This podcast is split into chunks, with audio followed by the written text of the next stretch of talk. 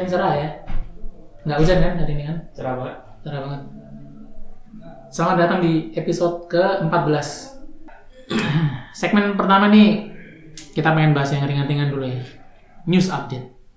Yang paling pertama itu ada Anchor.fm itu diakuisisi sama Spotify.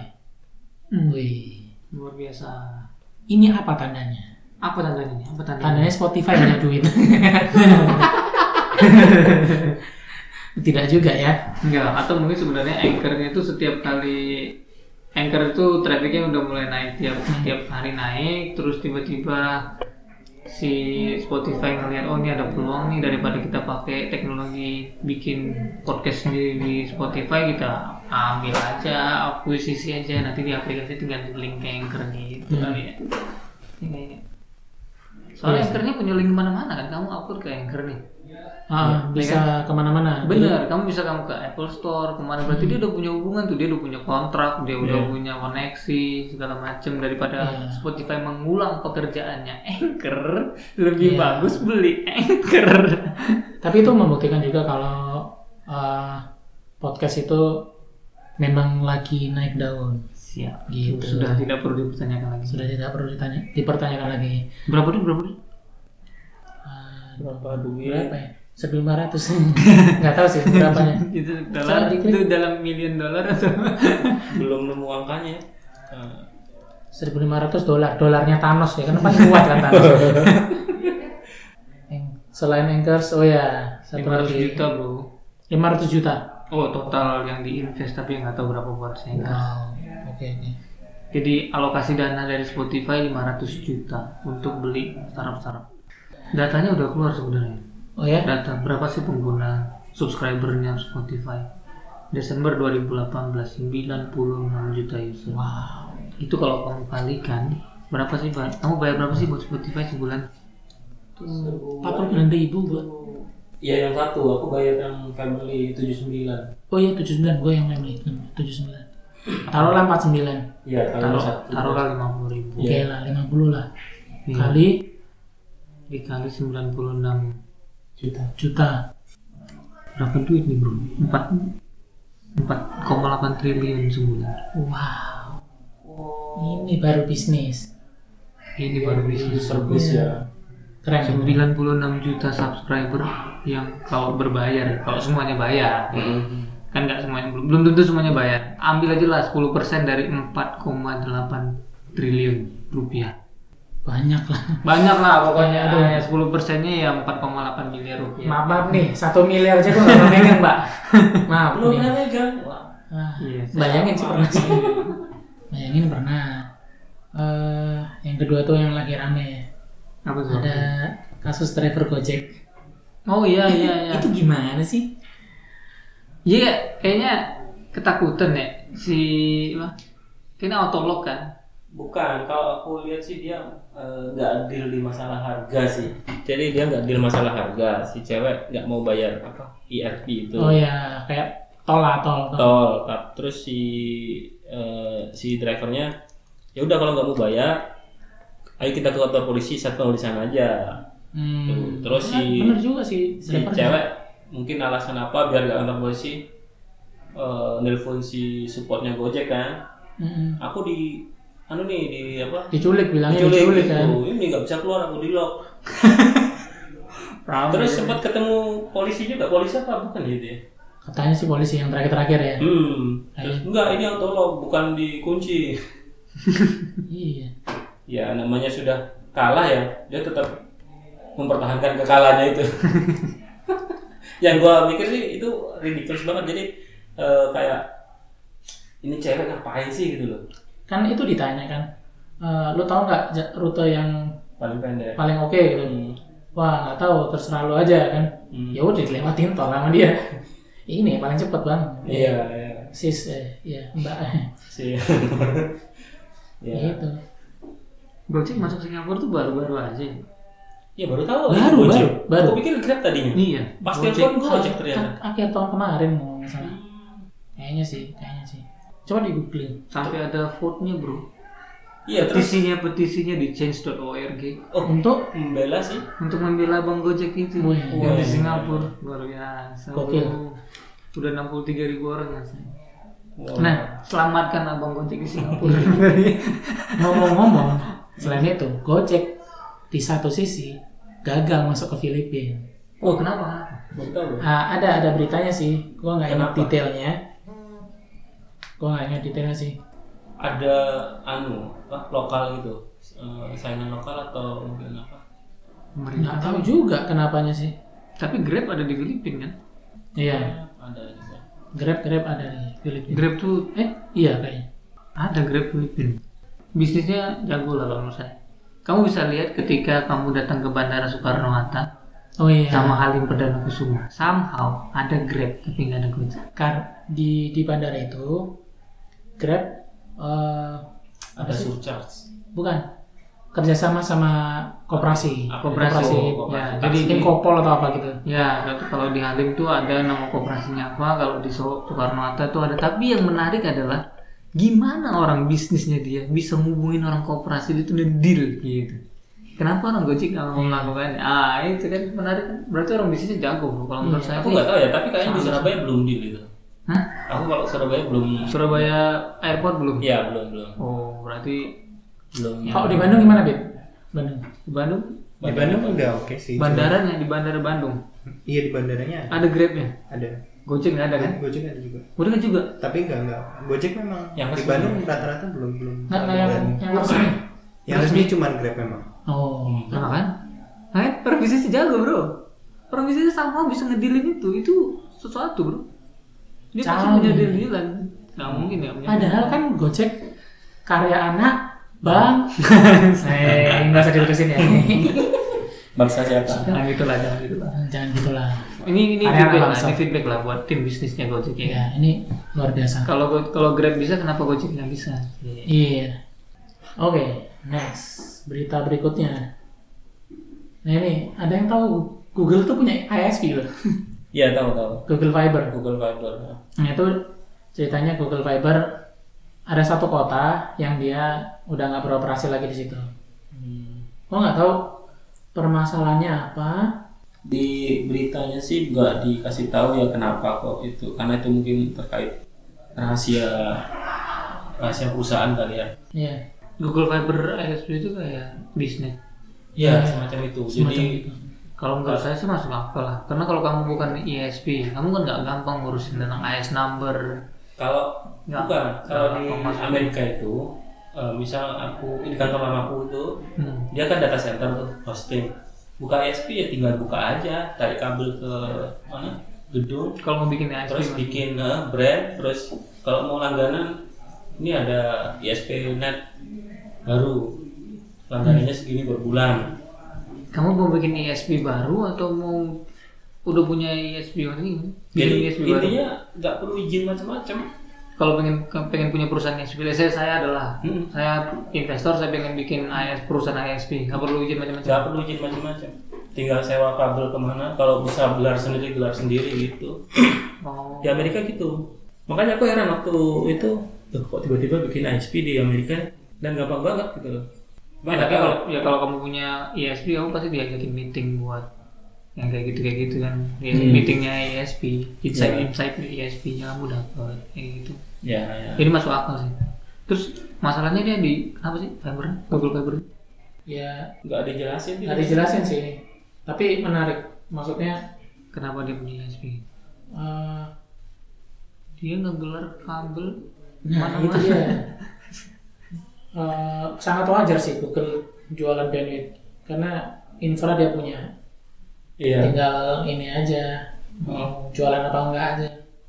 dan yang aku tahu dia satu giga itu murah banget maksudnya di antara ISP lain ya Tapi eh, maksudnya bisnis ini tuh mungkin receh lah buat Google lah. iya ya Receh lah. Ini kan boomnya. Nah, ada hal lain yang kita bisa lihat sebagai penganut teori konspirasi. ya. nah itu dia. Saya mencium rencana Illuminati di sini enggak. ya, maksudnya kalau misalkan sampai internet eh, bandwidth Google juga main, berarti Google hampir menguasai hajat internet. hidup orang banyak Iya. Search engine, email. Untungnya dia gagal di sosmed. Google Plus tuh gagal kan? Google Plus sama Orkut ya? Ya, Orkut. Masih ingat Orkut nggak? Masih gagal di situ. Ya untung dia gagal. tapi yang dia ya dia punya kabel dia punya konsorsium. Dia punya konsorsium cuma dia ikut konsorsium seharusnya iya. Konsorsium kabel. Yang aku pernah baca ya itu eh, Google tuh trafficnya tahun berapa itu ya? Dua persen dari seluruh traffic internet dua persen sendiri tuh berapa gede tera gitu Gede banget itu. gua coba Telkomsel berapa eh, Telkom berapa Telkom Iya. Iya sih Telkom bagaikan buih dibandingkan Google iyalah di lautan. tapi dua persen tuh gede banget gede sebenarnya banget ya. Lanjut. Berikutnya apa lagi, Bud? Bacain, Bud. Beritanya, Bud. beritanya pendanaan for coffee Hai. ini startup baru di Indonesia ya? Nah, Hah, startup kopi iya nah, Anda belum tahu kan? saya juga Wah, tahu. Jangan bilang Anda pencinta kopi. hmm. hmm. Ini memadukan antara kopi dengan teknologi. oke Ya, jadi kopi diaduk pakai TCP. oke nanti ada IP address yang keluar di situ oh dia terhubung bisa di remote pakai nggak di, di provision Jadi gue taunya pertama kali for coffee malah dari anak-anak support, IT support. Tapi dia kayak model referral gitu. Tapi se- sebenarnya kok tanpa lu jadi referral, lu udah dapat free satu kopi. Kalau lu install pertama kali, lu dapat free satu kopi.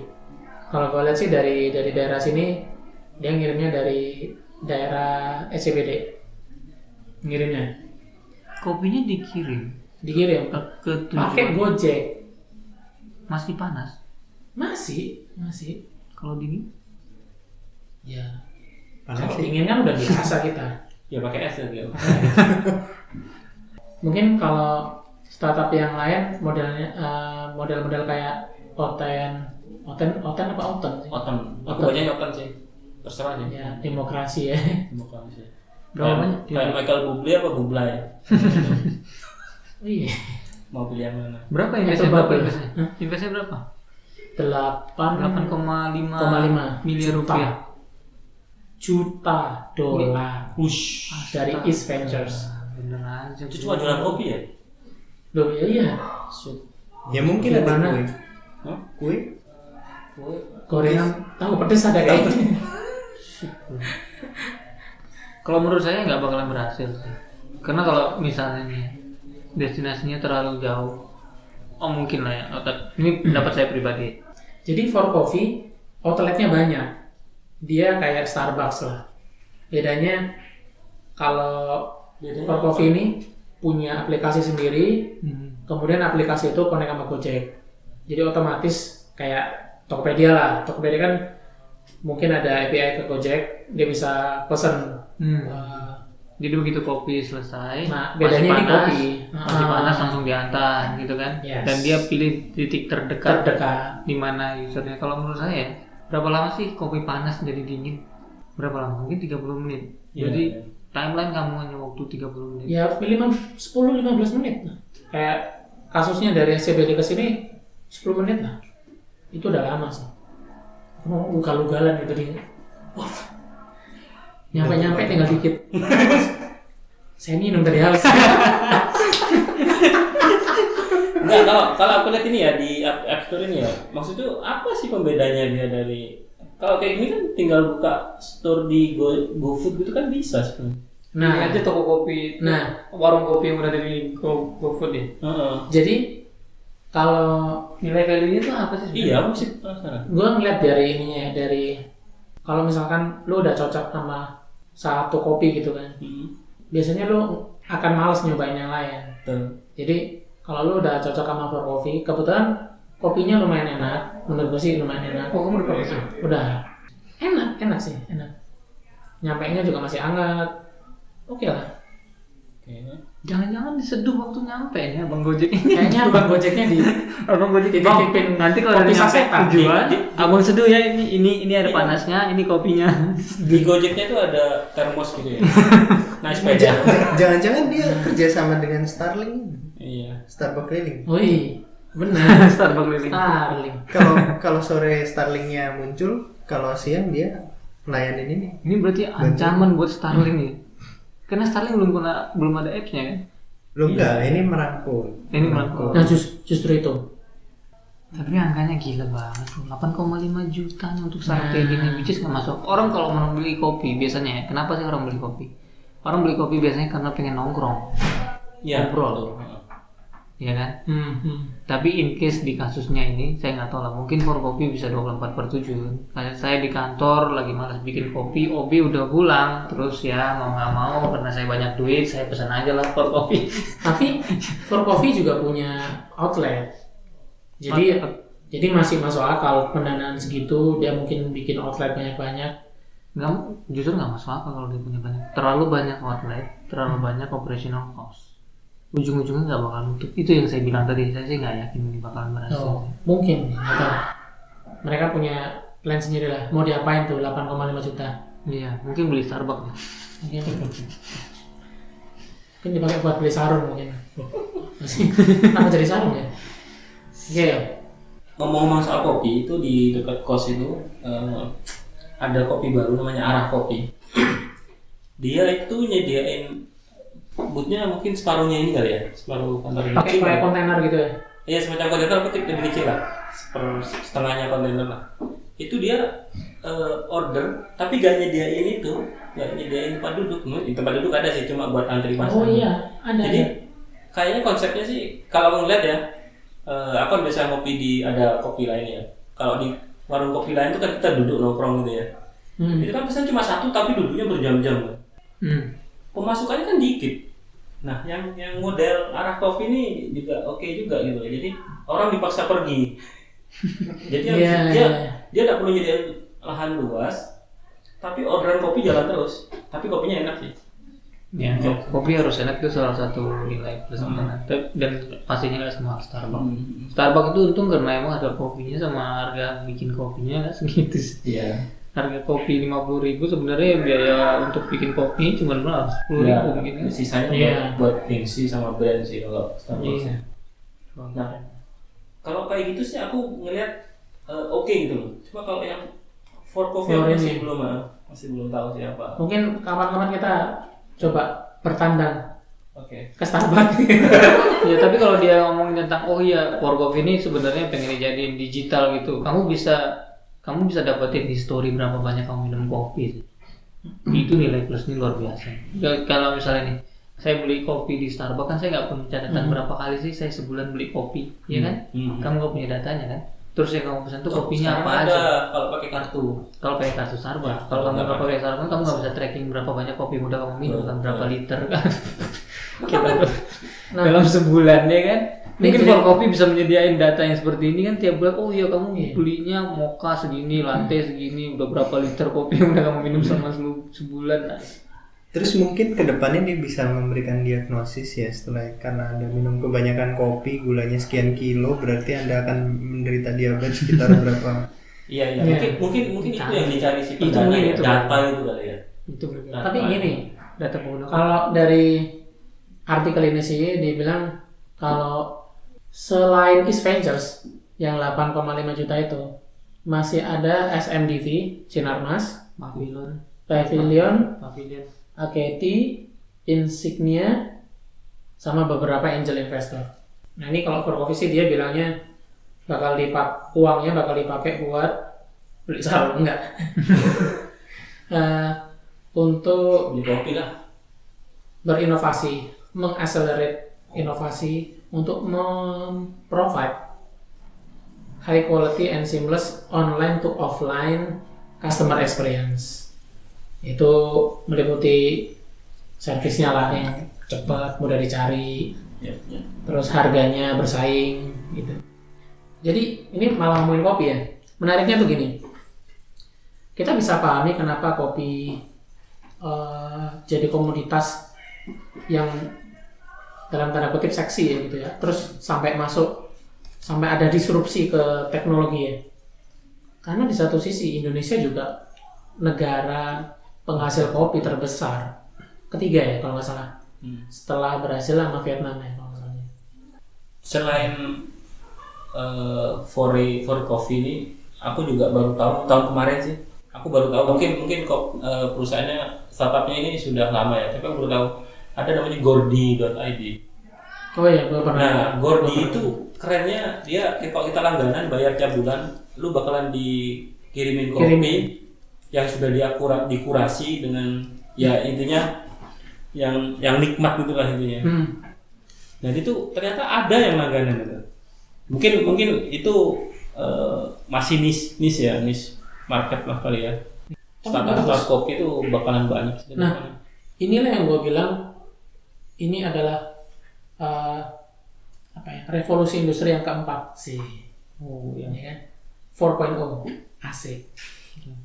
Jadi banyak disrupsi disrupsi eh, ke industri yang sudah mapan sebelumnya. Hmm. ya kan kayak contoh sederhana lah Eh, mungkin kita waktu sekolah dulu ngerti ada tablet bola Iya. yang tablet olahraga tuh udah tutup bro Iya. itu. tergerus sama ada Bola. detik sport bola.com bola.net yang kayak gini ini kalau nggak siap nih warung warung-warung kopi ya mungkin akan Ya. tergelincir tikar. Iya. Kita sambung ke segmen berikutnya, kita bahas apa yang bikin kita betah dan senang bekerja di sebuah perusahaan.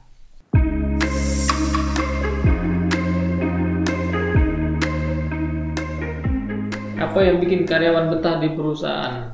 Mungkin sa- sa- satu persatu dari kita menceritakan lah, mungkin pengalaman sebelumnya.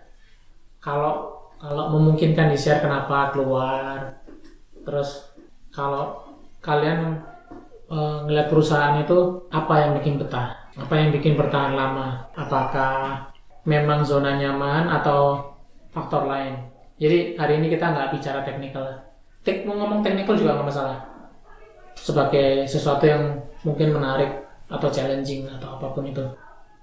Oke. Kita mulai dari yang paling muda dulu. Oh, saya ya enggak. Peter Peter. So, ya berhubung saya masih muda, mungkin kalau dari dari sudut pandang anak-anak muda, pastinya eh, apa yang dikerjain tuh challenging. Nah, itu mungkin menarik buat ya orang-orang yang masih belum eh, belum banyak tanggungan ya, belum belum berkeluarga kayak gitu-gitu. Cuman ya pastinya kalau kalau kalau penghasilannya juga nggak terlalu oke ya ya pasti mikir-mikir lah cari yang yang lain yang lebih bagus apalagi Hmm. apalagi dengan environment startup yang konon katanya suka eh, apa hijack hijack orang dengan harga yang bombastis Ugal-ugalan ya. Ugal-ugalan. Kalau nawarinnya. kalau nawarin ugal-ugalan ya mungkin itu dari dari dari sudut pandang saya sih Oke. Kalau misalkan apa ya? Orang bilangnya apa sih? Perks, perks itu apa sih? Eh, Tunjangan. semacam kayak bukan tunjangan. Fasilitas. Fasilitas. Fasilitas lah. Fasilitas, Misalkan ya termasuk tunjangan lah ya. Tunjangan, asuransi atau eh, hal-hal yang dalam tanda kutip yang kasat mata lah yang material lah. Itu pengaruh juga nggak? Atau ya nomor berapa lah? Bisa menyesuaikan. Eh, lagi-lagi dari sudut pandang ya anak muda yang belum berkeluarga kayak kalau misalnya perks itu termasuk eh, asuransi asuransi kesehatan ya asuransi kesehatan yang melingkupi keluarga gitu ya mungkin belum terlalu dipandang ya Mhm. Ya yang penting asuransi dia ada atau setidaknya BPJS ada ya udahlah. Ya asuransi bisa ikut dari luar bisa juga dipakai di investasi yang lain atau ya bisa nabung-nabung sendirilah. Dan belum belum sering-sering sakit harusnya ya. Nah, oke. harusnya. Tapi ya ya semua itu pasti berpengaruh lah. Ada ada ada pe- pengaruhnya. Tapi ya bobotnya juga ada. Nggak terus misalnya perusahaan nggak kasih asuransi terus nggak mau kerja di situ lagi ya ya ya nggak nggak tentu juga ya. Mhm. mungkin dia perusahaan startup yang belum ready tapi kerjaannya oke enak challenging gajinya ternyata jauh lebih gede daripada yang udah mature tapi kasih asuransi. Asuransinya empat lapis ya. Yo, sekarang yang paling muda kedua. Senior. Yang kita anggap muda ah iya apa nih apa nih? Kenapa orang pengen tetap lama-lama di Nah. perusahaan?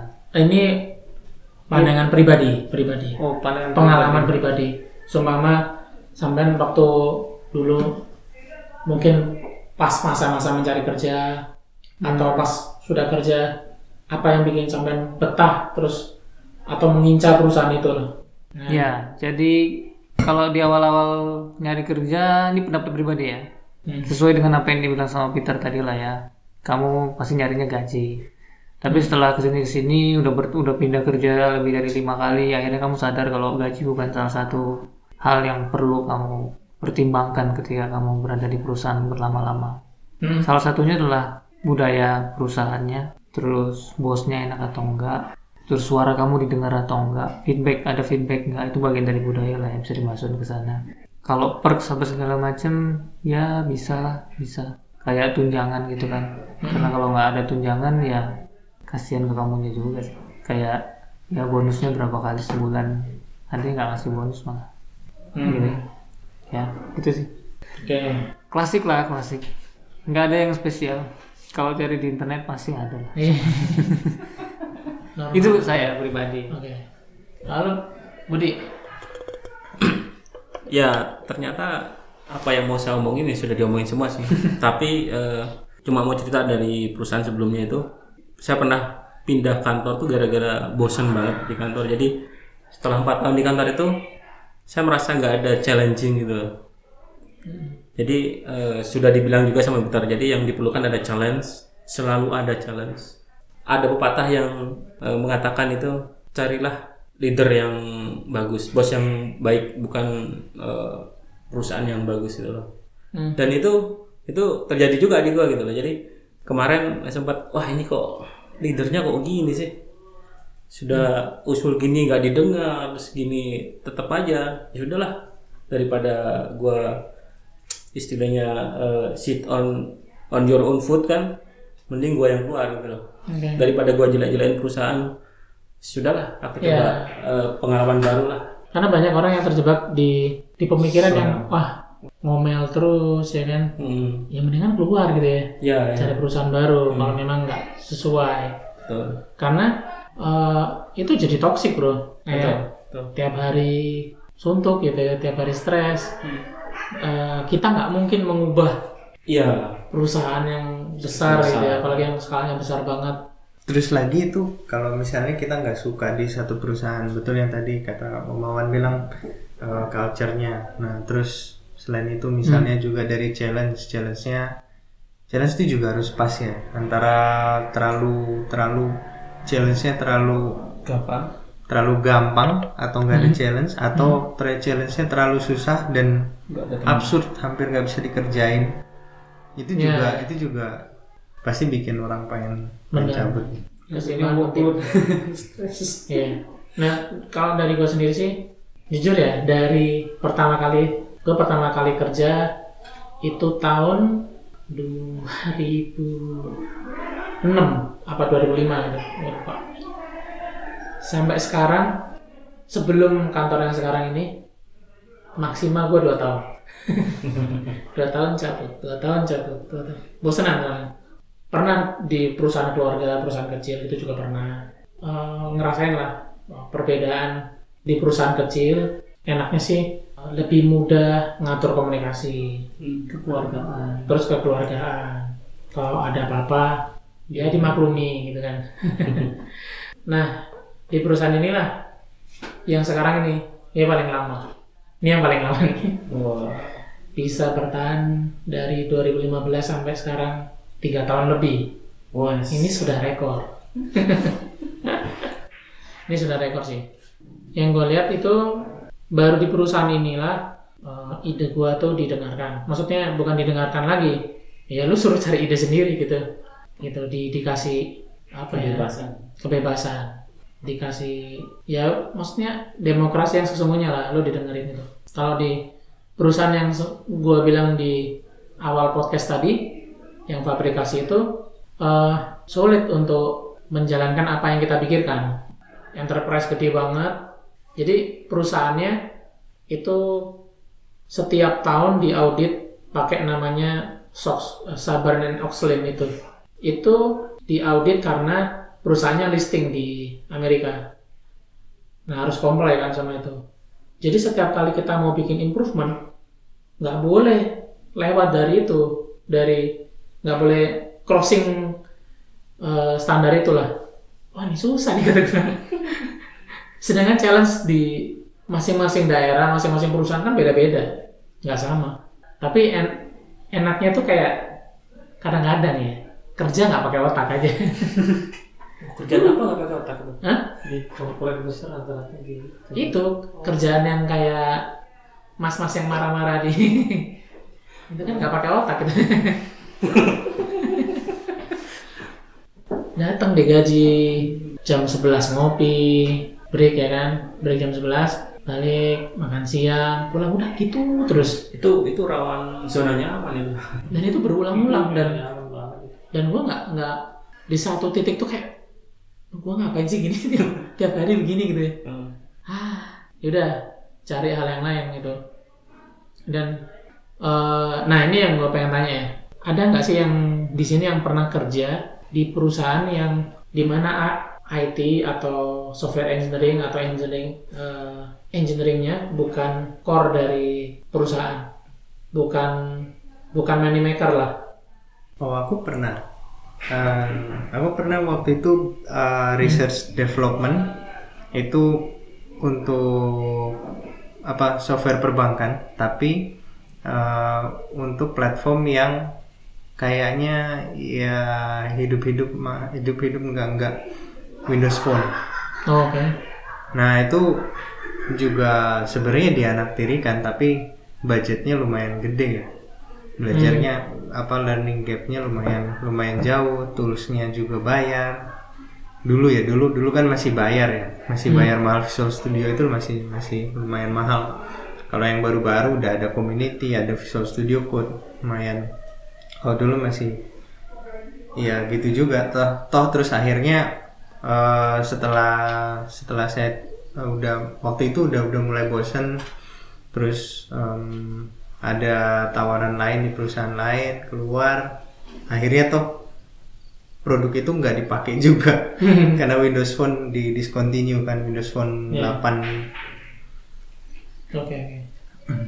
Pernah nggak terjadi katakan bukan perusahaan IT lah, bukan perusahaan engineering yang core-nya engineering banget gitu. Alhamdulillah sih enggak. Nggak pernah. Kecuali ya? waktu saya pertama kali kerja di labs, di labsnya universitas. Iya. Tapi ya kampus kan ya gitu. Ngajar ya, jadi guru lah gitu. Tapi setelah itu ya perusahaan 2007, 2006, 2007 masuk perusahaan Jerman core-nya tetap teknologi. Hmm. Setelah itu saya pindah ke value added services juga core-nya teknologi. Pindah lagi ke perusahaan yang lain juga core-nya juga teknologi sampai ke multiply sampai ke KMK semuanya core-nya teknologi. Teknologinya yang ngasilin duit. Kebut nggak pernah bet? Eh, pernah tapi sama sih kerjanya di kampus sih jadi kalau yang pertama kali bekerja ya di kampus itu terus ya namanya asisten lab ya ya asal dapat apa peralatan ya itu yang dipakai. Jadi kita nggak nggak bisa kayak pakai inilah atau apa lah pernah juga kerja di ISP eh, ya sama. Di situ eh, somehow ya aku sulapa juga agak susah juga didengar. Padahal ISP-nya juga nggak gede-gede amat sih tapi eh, mungkin eh, kultur ya. Kultur emang susah berubah kali ya. Terus habis itu eh, sama kampus lagi kebetulan urusan IT-nya nah di situ eh, agak bebas jadi tiap tahun ada lu ada dana segini untuk IT Hmm. jadi aku tinggal bagi-bagi oh ini untuk beli ini untuk untuk bandwidth untuk apa gitu Oke. itu lebih enak yang kampus terus habis itu baru core teknologi lagi sampai sekarang Oke, jadi kalau gua summarize nih benang merahnya sih ada sih. Sebagian besar pada seneng kalau eh, dikasih challenge, terus suaranya juga didengar, idenya didengarkan, dibiarkan apa ya berkreasi lah, apa ya bukan berkreasi, kesannya kayak kita seniman gitu ya. Istilahnya sih ini soal culture ya, soal culture. Eh, mungkin nggak melulu harus pakai agile, nggak nggak melulu harus pakai metodologi tertentu ya. Pernah ada pengalaman nggak? Maksudnya mungkin nggak di sini lah, nggak nggak di perusahaan yang sekarang, di perusahaan sebelumnya ngasih input ke perusahaan, mau itu skalanya besar kecil dengan segala effort diterima atau enggaknya tuh eh, punya cerita nggak? Ya, ya, yang paling aku ingat sih satu sih. Ya mungkin karena ini. Jadi kerjaanku dulu itu eh, kalau ada email pelanggan yang nggak masuk itu kan ngecek di log tuh. Nah itu eh, sama administratornya itu kalau mau ngecek log kita nggak bisa akses. Jadi kita cuma bisa tangkap datanya dulu dari pelanggan, nggak nggak nerima emailnya apa atau email gagalnya itu kapan ngirimnya. Semua detail itu diambil terus dimasukkan tiket terus dikirim ke administrator terus biar dilihat. Waktu itu saya aku usul ini harusnya kita bisa bikin kayak semacam weblog viewer gitu. Jadi kita nggak perlu masuk ke servernya jadi nggak bakalan merusak server. Terus bikin aja satu case di Surabaya satu di Jakarta jadi semua support bisa ngeliat gitu loh. Hmm. Jadi lognya kayak di ingest. ya di just semacam Kibana lah kalau sekarang. Hmm, waktu itu apa namanya ya? ya centralized log itu centralized. waktu itu apa lupa namanya? Pakai RSys log pokoknya. Aku bisa settingin kayak gini-gini. Udah usul gak ada balasan aduh habis itu gue ngerasa wah ngapain sih ini? Kerjaan Oh ya, ngapain sih? pakai Greylog kan? bukan lebih lama dari Gre- Greylog Hmm. tahun 2008 itu. nah itu waktu itu gua waduh ini perusahaan kok gini sih? Gitu loh tapi ya ya ya sudahlah mungkin ada ada keamanan kerjaan seseorang kalau itu di lempar ke support dia jadi nggak nggak bekerja jadinya Ini Itu nggak alasan sih, nggak alasan. Bahkan di perbankan itu nggak alasan. Jadi centralized log itu memang harusnya ada. Dan kalau memang ada sensitif data di dalamnya, harusnya datanya di trim sebelum dimasukkan ke, ke sistem kayak Kibana yang kita bisa lihat lognya gitu. Ya, tapi lucu juga kalau data sensitif di, di store ke log itu Iya, nggak- itu nggak juga logik itu gitu. nggak logik itu. Itu, itu ada yang salah itu di programming. Nggak, nggak mungkin, nggak- jangan di stream lah harusnya datanya. Kan bisa dipilih kan yang mana yang mau ya enggak kalau kasus ini kan email transaksi email kan paling cuma header aja kan Iya. jadi siapa masuk kapan masuknya terus apakah keblokir Barakuda atau DNSBL dan lain-lain macam-macam itu kan semua support harusnya bisa ngecek lah Itu dulu pakai apa? Qmail. Kalau nggak salah Gmail sih cuma aku nggak tahu di mungkin Postfix juga aku nggak tahu di, di internal itu server itu karena yang punya login cuma satu orang waktu itu. Jadi aku wah kalau satu orang keluar gimana ini kan gitu. Hmm. Tapi- kalau dia keluar kalau dia tabrak bus. Nah itu. Nah, ini juga nih. Sa- karena kita orang teknikal, kadang-kadang ada sesuatu yang yang bikin kita nggak betah di perusahaan. Ini c- cerita gue ya. Ini ya udah kita curhat-curhat aja lah. Gue paling males namanya politik-politik gitu. Intrik-intrik ya, ya saling ya. kayak sakit saling sikat menyikat jegal menjegal gasak menggasak ya kan? Ya. Sekarang kalau gue ngomongin ini hal yang terakhir ya. Eh sekarang ada bukan bukan banyak ya.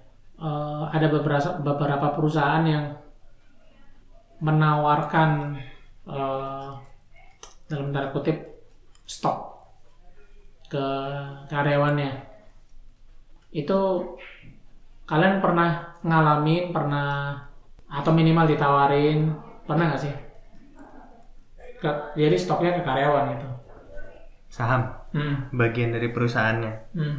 Eh, saya sih belum belum pernah ya ngalamin sendiri.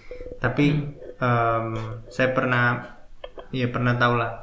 Salah satu perusahaan besar em, tempat pacar saya kerja.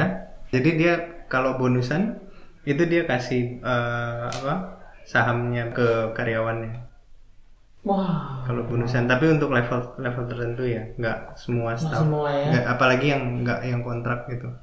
Kontrak nggak langsung dikasih. ya pasti Selain itu keuntungan buat perusahaannya juga kayaknya sih bagus ya. Mereka jadi rasa memiliki terhadap perusahaannya Mm-mm. tinggi lumayan tinggi sih. istilahnya kalau perusahaannya untung dia dapat dia dividen dia juga dapat dividen juga. Iya bukan hanya dividen sih ya. tambah-tambah Valuasinya Valuasinya, naik. iya. Ini perusahaan dia gitu kayak sebenarnya nggak nggak nggak lebih jauh gitu ya. Cuman rasanya tuh wah ini perusahaanku gitu rasa memiliki Perusahaan ini. kayak gue. kayak gini ya rasa istilahnya memiliki meskipun itu cuma 0,0 sekian persen tapi kayak gue punya loh iya. Misalkan tadinya apa ya status bekerja sebagai karyawan itu 100% ini berkurang 0,00 sekian ini. Ya kan? gitu. Lalu buat pernah nggak?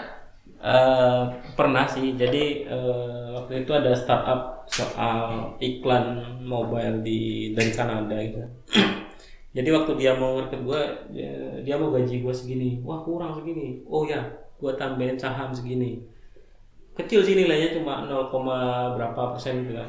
Terus tapi dia biar kelihatan besar dia ngomongnya "Eh, ini nanti kalau perusahaan harga segini kamu punya duit segini. Jadi gue iyain aja waktu itu. Tapi sayangnya sampai setelah setahun nggak ya setelah setahun perusahaannya bubar rugi. Jadi nggak dapet stok. Ah, tapi ya ya buat pengalaman sih kemarin itu emang. Tapi menarik ya menarik ya. Menarik banget ya sebelum di KMK saya juga pernah tawarin. Jadi di multiply itu setiap karyawan dapat stok sebelum multiply Oh, itu. multiply corporation. Kamu dapat stok. Jadi selain dari gaji kamu dapat yang namanya namanya shadow stock mereka sebutnya. Shadow stock ini iya iya iya. Gue tahu istilah itu. Ya, shadow stock. Sto- Shadow stock ini begitu perusahaan kamu listing, kamu kamu akan dapat stok itu. Bukan bentuk shadow lagi, tapi benar-benar di apply. Dan angkanya lumayan waktu itu saya dapat. Udah 6 digit, berapa digit itu stoknya. Tapi karena perusahaannya tutup, ya sama kayak Budi ya, iya hilang bro. Hilang. Nah, oh, teman saya juga punya cerita yang menarik ya. Dia salah satu perusahaan di Indonesia kan. Jadi dia dapat stok, bahkan stok ya, bukan shadow stock lagi bentuknya, stok wow ya dapat stok dan ya, setelah setiap tiga tahun bisa dapat ya kan oke lalu perusahaannya diakuisisi sama perusahaan lain uff hilang bro. Wow. stoknya hilang. Iya. Hilang udah nggak pakai stok ya sekarang. Ngeri tapi banget. diduitin nggak? Ya diduit nanti tiap tiga tahun. Ya Wak, mungkin waktu itu dia belum bekerja selama tiga tahun kali ya. Oke oke. Tapi belum sempat diduitin lah ya udah dibeli sama perusahaan lain tuh dia. Bisa hilang bro. Tapi gini, ini jadi pertanyaan juga sih. Ada mungkin ada yang siapa lah yang mau jawab lah terserah. Kenapa perusahaan teknologi, startup teknologi di Indonesia, setahu gua belum ada satupun yang IPO. Hah? What is the problem? Gojek belum, Tokopedia belum, Traveloka belum, Bukalapak belum, kita sendiri juga belum ya Seingat saya, salah satu syaratnya adalah kamu harus keluarin laporan keuangan dan laporan keuangan kamu menunjukkan kalau ada yang namanya profit. Ya Syarat listing ada di internet, kamu bisa searching. berarti masih rugi dong Belum tahu masih bakar-bakar duit ya ya itu tadi angka menang uh gua punya duit segini tapi dalam angka data gitu. hmm. Omsetnya ada, eh datanya omsetnya ada. Eh masa nggak ada sih? Nggak ada ya? nggak ada nggak ada coba deh coba deh cari perusahaan teknologi Indonesia startup ya jangan ngomong kayak BRK kayak apa multipolar iya ya Net yang kayak gitu-gitu. Ya itu kan udah well established. Astrografia. Ya teknologi juga sih. Telkom ya kan. Teknologi sih. Nggak salah gitu. Era jaya. Teknologi teknologi pak. Tapi kan eh, bukan startup ya kan. Belum kali belum. belum ada ya? Ini eranya kan lagi era-eranya. mau nunggu nih kalau ada yang berani luar biasa berarti keuangannya sehat banget berani gitu gitu Video.com kan. Ya, amin lah, mudah-mudahan. Karena menarik, kerja di perusahaan yang IPO tuh pasti spiritnya beda. Karena laporan keuangannya bisa dibuka. Sebenarnya kita hitungannya IPO loh, Pak. Karena kan MTek IPO. ya apa? TBK ya. MTK TBK. iya, jadi perpindahan apa namanya eh, saham segala macam, gue selalu pantau. Itu ada notifikasinya. Laporan keuangan MTek. Gua Bukanya. turun wah nggak dapat bonus nih tapi kal- um, ya kita tunggu aja ya ada teman temanku eh, dia kerja di sebuah perusahaan eh, pendanaan bukan pendanaan siapa sih? Eh, Venture fin- capital. fintech, fintech. Fintech. Oh, fintech. Yang minjemin minjemin Anu, duit P2P. tapi Peer lending. P2P lending. bu- bu- bukan bukan yang P2P. bisnis tapi yang retail. Oh. Kayak kayak minjemin duit gitu. Oke. Nah tapi aku nggak bisa sebutin namanya mungkin ya karena kepentingan IPO-nya dia. Nah dia mau IPO sebentar lagi katanya. Oh. Katanya kita tunggu aja. Mantap. Gue salut tuh yang kayak gitu. Brandnya IPO. Jadi dia kayak ngebuka peluang buat masyarakat untuk ikut memiliki, ya kan? Sekarang mau karya anak tetangga tapi kalau tidak IPO gimana? Rasa memiliki gitu ya. Sus- Sulit lah. dimiliki tetangga bro Ternyata dimiliki negara tetangga. Oh, tidak. Ada. Ya, mudah-mudahan lah kita doain uh, unicorn-unicorn ini pada mau listing. Ya, ngikutin jejaknya Twitter. Ngikutin jejaknya Facebook. Facebook IPO nggak sih? IPO kan ya? Facebook itu. Terus Spotify ya, kalau nggak salah. Amazon, Google, itu kan IPO sedap banget itu nah apa memang sih effort sih gue pernah dengerin uh,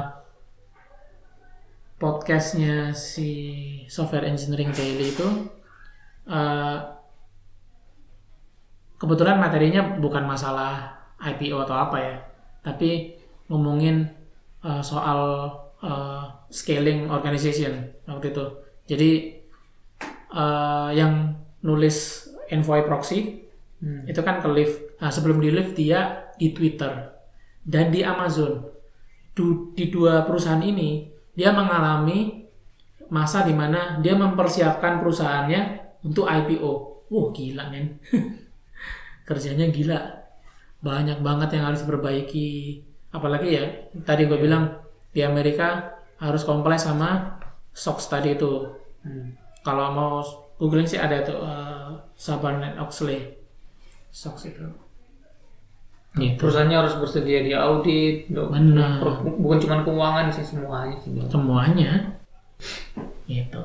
Karena kalau udah IPO kan nggak nggak sembarangan bro. benar. Oke deh. Ah, paling segitu aja podcast kita hari ini. Bahas sesuatu yang tidak teknikal. Episode berikutnya semoga kita membahas hal teknikal